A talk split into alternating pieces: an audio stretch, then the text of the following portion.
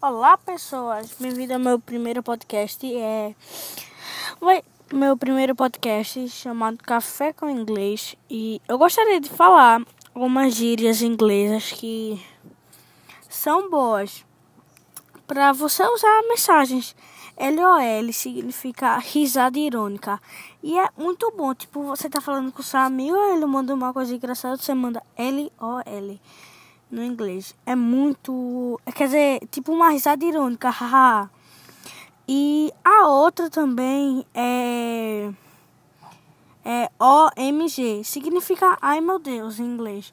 Tipo, é, aconteceu uma coisa muito bizarra e você manda ai meu Deus. Alguma coisa, situação engraçada também. Alguma engraçada que alguém tá passando vergonha. Você manda. É, só aqui para colocar duas gírias em inglês. E então foi isso. Muito obrigado. E esse foi o podcast de hoje.